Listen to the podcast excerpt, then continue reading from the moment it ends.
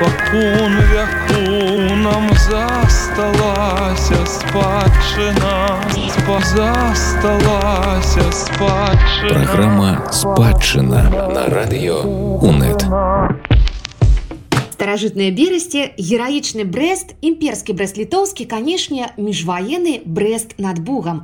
У заходняй сталіцы Беларусі сустрэліся розныя культуры, вядомыя гістарычныя постаці, нарадзіліся дзіўныя гарадскія легенды, засталася нам у спадчыну і арыгінальная архітэктура розных часоў. Скажам, ніводны беларускі горад не мае столькі прыкладаў архітэктуры міжваеннага перыяду.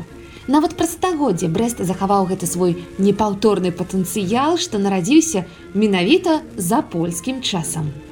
Ва ўяўную вандроўку сёння нас запрашае менеджер валанцёрскай ініцыятывы брэскі канструктывізм Алена Тур.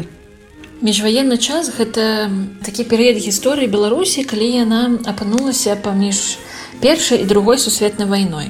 І дзякуючы рыжскаму мірнаму дагавору, які бы падпісаны ў 1921 годзе, Беларусь увайшла ў склад польскай рэспублікі і берасці у той час калі было складзе расійскай імперыі мела назву э, брест-літовск атрымала новую назву і стала называцца брест над буга і канешне гэта быў такі новы час калі патрэбна было аднаўляць горад пасля першай сусветнай вайны. Э, горад даволі моцна пастрадаў каля 70соткаў забудов на жаль былі зруйнаваныя. І вось э, раней да пры расійскай імперыі тэрыторыя паміж у брэскай крэпасцю горадам яна была пустая. Я думаю шмат хто чуў што стары горад берасці быў зруйнаваны на яго месцы была пабудаваная брэская крэпасць. І э, расійскія ўлады далі такі загад для бяспекі для таго каб тэрыторыя добра аглядалася была такая буферная зона. І стары голад горад знеслі альбо там па сутнасці перанеслі перасялілі калі так можна таксама сказаць э, частку яго жыхароў на ўсход на два кіламетры і вось э, гэта тэрыторыя была доўгі час просто пустая маглі там каровы пасвіся. І ўжо пасля 21 года было прынята рашэнне што ўсё ж такі брест над бугам становіцца сталіцай новай сталіцы і трэба гэты статус яго паднімае трэба азнаўляць горад. І гэту тэрыторыю зрабілі спецыяльны план Вось архітэктар такі Юліан лісецкі ён распрацаваў гэтую тэрыторыю падзяліў на раёны так званыя дзельніцы. І яшчэ ў 1929 годзе з'явілася такая праграма вялікі брест калі польская дзяржава даволі такі добра парафінансавала гэты новы такі архітэктурны план Польскія фінансы прынеслі ў брест над Богам і новы стылістычны ўплыў. Менавіта варшаўскія архітэктары ўвялі ў сталіцы палескага ваяводства моду на мадэрнізм.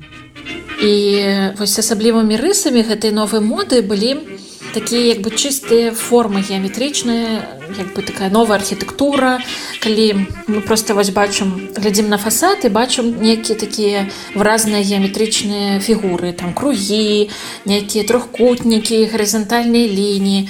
Вось напрыклад такая рыса адметная гэта такі стужачныя шкляныя вокны калі у памяшканні пранікае шмат натуральнага святла. Калі прыглядацца да дэталяў то напрыклад гэта скругленыя вуглы у кватэрах альбо нават калі вы пад'ездзуеце такія таксама з рысаў гэта такія простыя агароджы простыя тыя ж лініі нават некаторыя элементы дэкору але яны па-перша ўсе функцыянальныя.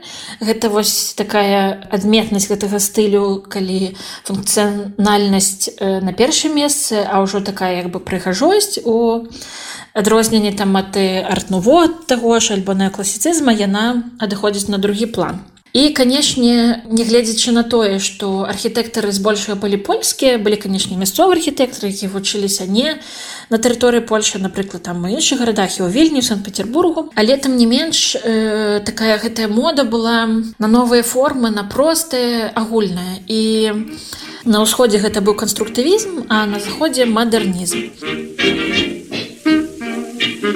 З Польшчы ў брест над Богам прыйшла і умоўная канцэпцыя горад у горадзе, канцэпцыя дома саду.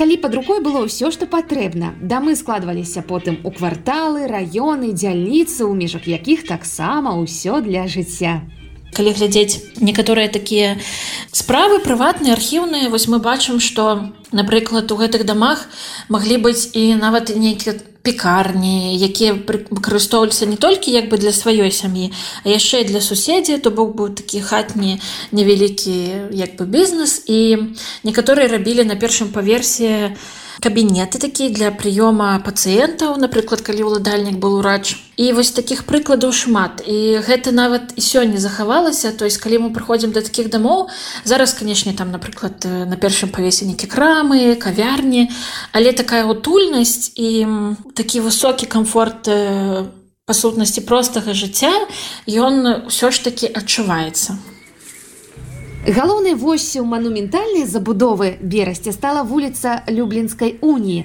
Сучасная леніна на якой за польскім часам таксама паўставалі велічныя грамадскія пабудовы. Самае рэпрэзентацыйнае колішняе ваяводскае ўправленне у якім цяпер абласны выканаўчы камітэт. Сучасная адміністрацыя ленінскага района таксама месціцца ў помніку архітэктуры міжваеннага часу. Вядзе нас берасцейскімі адрасамі алена тур яшчэ таксама вось на плошчы леніна размяшчаецца сучасны будынак хуткай дапамогі. Гэта вось якраз такі цікавы выпадак калі польскія варшаўскія калі удакладніць архітэктары яны не ездзілі ў брест над бухам але рабілі свае праекты як можна зараз ужо казаць на ўдалёнцы і дасылалі гэтыя праекты на месцы гэта вось такая даволі вядомая пара архітэктараў. Гэта елена і сымон цыркусы. Яны прадстаўляюць нават цэлую такую варшавскую групу архітэктара пра сэнс. Яны напрыклад у варшаве пабудавалі калі так паглядзець гэта сучасны раён ахота і там ёсць частка такая раёна называется раковіц. І яны там пабудавалі такі комплекс жылых дамоў. Яшчэ можна варшаве дарэчы ж мадэрнізма шмат. То бок у калі глядзець цэнтр то ну вось шмат якіх пабудоў яны пабудаваны былі ў міжваенных час канешне з усімі рысамі мадэрнізму. Калі глядзець комплекс на цэлыя раёны то гэта жалібош і санска кэмпа засталося нямала і прыватных помнікаў міжваеннай забудовы сапраўдны дыямент архітэктурнай калекцыі дом юзафа баранскага з'явіўся ў горадзе над Богам у 1936. Дарэчы, падчас другой сусветнай вайны ў ім нават размяшчалася тайная паліцыя. Па словах мясцовых жыхароў рэшткі камеры засталіся ў будынку і сёння. Яшчэ адзін адрас, які варта запісаць у свой маршрут па мадэрнісцкіх адрасах берасця Карла Маркса 22. Двухпавярховая мураваная архітэктурная кампазіцыя была спраектавана людвікам зажыцкім у другой палове 30-х. Берасцейцы ведаюць гэты дом як дом Марыі непамуцкай. Той самы прыклад, калі будавалася ўсё для жыцця і для людзей гэты дом марыні памуцкай ён забяспечваў ёў даволі высокі ўзровень жыцця. Там па сутнасці хоць дома двухпавярховы была одна кватэра там была вялікая сталовая салон два працоўных кабінета пакоі хатніх працаўнікоў два ванных пакоя кухні. То бок мы бачым што ўсе умовы для комфортнага жыцця яны былі ўжо забяспечаны 100 гадоў таму. І вось у тых дамах якія зараз стаяць на наших вуліцах нават калі ўжо пасля 1939 года гэты дамы па сутнасці ўсе былі нацыяналізаваны падзелены на некалькі кватэр. Умовы жыцця былі нашмат нашмат больш горшыя. І толькі вось пасля апошняй гады калі людзі забрілі срабе рамонты яны змаглі ну хоць неяк э, канешне не размерна але вярнуць той камфорт які укладаўся яшчэ архітэктарамі вось амаль 100 гадоў таму яшчэ адзін такі цікавы дом. Ён знаходзіцца на вуліцы камуністычнай 14 у берасці гэта вось калі хто арыентуецца то насупраць стадыёна дынама гэта дом які належаў сям'е такой маладой на той момант михаилу і александру лаганчука. Ён адрозніваецца тым што от большасць дамоў ўсё ж такі ў берасці яны атынкаваны а гэты дом не. Вось ён захоўвае такую прыгажосць гэтай чырвонай цэглы Ён быў пабудаваны ўжо на самым пры канцы 30-х гадоў. Э, амаль ужо пры тым, як э, горад прыйшлі саветы. І на жаль, гэтая сям'я яна не паспела пажыць амаль. І па сутнасці, калі ўжо ўсё скончыўся, скончыўся рамонт, яны паспелі толькі там кветкі на падваконнік пакласці, пражылі некалькі там кароткі час і ўжо дом быў нацыяналізаваны. І вось мы калі размаўлялі з бабуляй, якая там жыве, яна распавядала што вось 10 гадоў таму рабілі капітальны рамонт і будаўнікі знайшлі старыя фотаздымкі у трубе просто там калі рамантавалі дах і на жаль яны вырашылі што гэта не каштоўныя рэчы і іх просто як бы знішчылі. Э, Як яна казала, канешне жаль, А так мы маглі паглядзець, гэтая сям'я жыла, што было цікавага, але, на жаль, ужо няма такой магчымасці.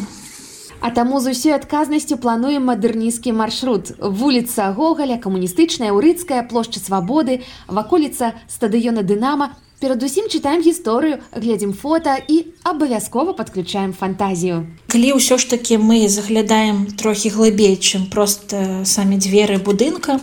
І калі мы паглыбляемся ў гэту гісторыю нашага мінулага, у гісторыю нашай сям'і, моўна нашага такога беларускага роду, гэта ўсё ж такі дае нам натхненне на нашу будучыню. Пра гістарычную мастацкую каштоўнасць берасцейскай архітэктуры, што з'явілася на беларускіх мапах за польскім часам, нам сёння расказала менеджер валанцёрскай ініцыятывы брэскі канструктывізм Алена Тур. З вами была Аліна Крамко. Прадзеда спакон вяку нам засталася спадчына Спа засталася спадчына Праграма спадчына на радыё УНэт.